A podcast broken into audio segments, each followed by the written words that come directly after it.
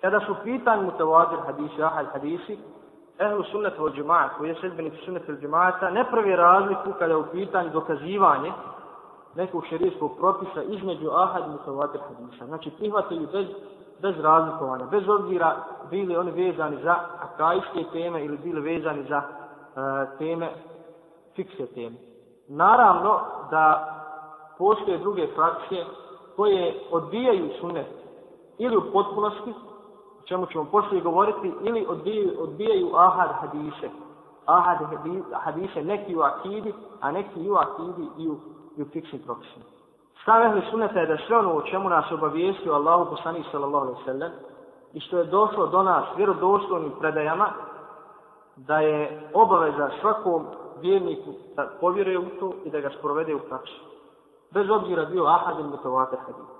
Najpoznatiji dokaz koji Selef uzima za ovu svoju tvrdnju, za ovaj svoj stav je ajet, to je što Allah je završanu riječu kojima kaže وَمَا كَانَ لِمُؤْمِنٍ وَلَا مُؤْمِنَةٍ إِذَا قَدَ اللَّهُ وَرَسُولَهُ وَرَسُولُهُ أَمْرًا أَنْ يَكُونَ لَهُمُ الْخِيرَةِ مِنْ أَمْرِ Kaže, kada Allah i poslanik njegov nešto odrede, onda ni vjernik ni vjernica nemaju pravo da po svom nahođenju nastupu. Sura El-Ahzab, biće šešti ajde. Postoji skupina koja ahad hadise ne prihvata ni u akidi, ni u fiksnim propisima. Skupina koja ahad hadise ne prihvata ni u, ni u akini u fiksnim propisima, pod izgovorom da ahad hadisi ne vrijede kao, kao nepobitno znanje, čak i Kur'an i mutavatir hadise ne uzimaju kao dokaz u akidi ako postoji mogućnost da tekst kur'anski ili hadijski tekst, ako je mutavatir, upućuje na više značenja. To jest da se može odnositi na više stvari, na više značenja ili više stvari. Ova frakcija su mu'tazila. I treća frakcija ali treća skupina su dogmatičari među ešarijama.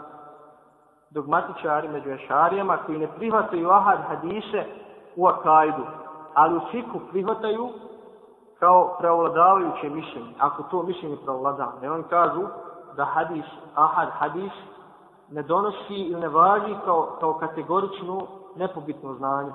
Zato što ga prenosi kaže jedan ravija. Ili, ili, ili postoji mogućnost postoji mogućnost da je, da je ravi zaboravio ili da je pogriješio. Dok kod mutavatir hadisa ne postoji mogućnost zbog, zbog velikog broja ravija. To je pogrešan stav, jel to nije stav ehli sunnata od džemata. Ehli sunnata džemata prihvata, prihvata ahad mutavatir hadisa i u akidi i u, jeli, u fiku. Što se tiče dokaza ehli sunnata wal džemaata, oni navode dokaze iz hadisa kojima se jasno govori da su ashabi prihvatali ahad hadisa i prihvatali su ahad predaj da nisu pravi razliku jel, između ahad i mutavatir predaj. Kaže, prenosi se od Ibne Omera radijallahu an da je rekao dok su ljudi klanja, u Kubau klanjali sabah namaz u Mešid Kuba, dođe im glasnik i reče poslaniku je objavljen Kur'an i naređeno mu je da se okrene prema kibli, to je prema kabi, pa okrenite se i vi. Klanjači su bili okrenuti prema Šamu, pa kada su čuli ovu vijest, okrenuli se prema Kabi. Da nije bilo dozvoljeno prihvatiti vijest pojedinca, ahad predaju, ne bi napustili farz. okretanje prema Šamu, jer okretanje prema Šamu bilo je farz. Znači da nije bilo dozvoljeno za vrijeme Šaba prihvatiti predaju jedne osobe, oni se ne bi okretali prema Kabi, nego bi čekali, stanjali bi namaz prema Šamu i čekali bi dok se vijest ne potvrdila od poslanika sebe. Oni se međutim okrenuli prema Kabi i poslušali jeli, ovu vijest.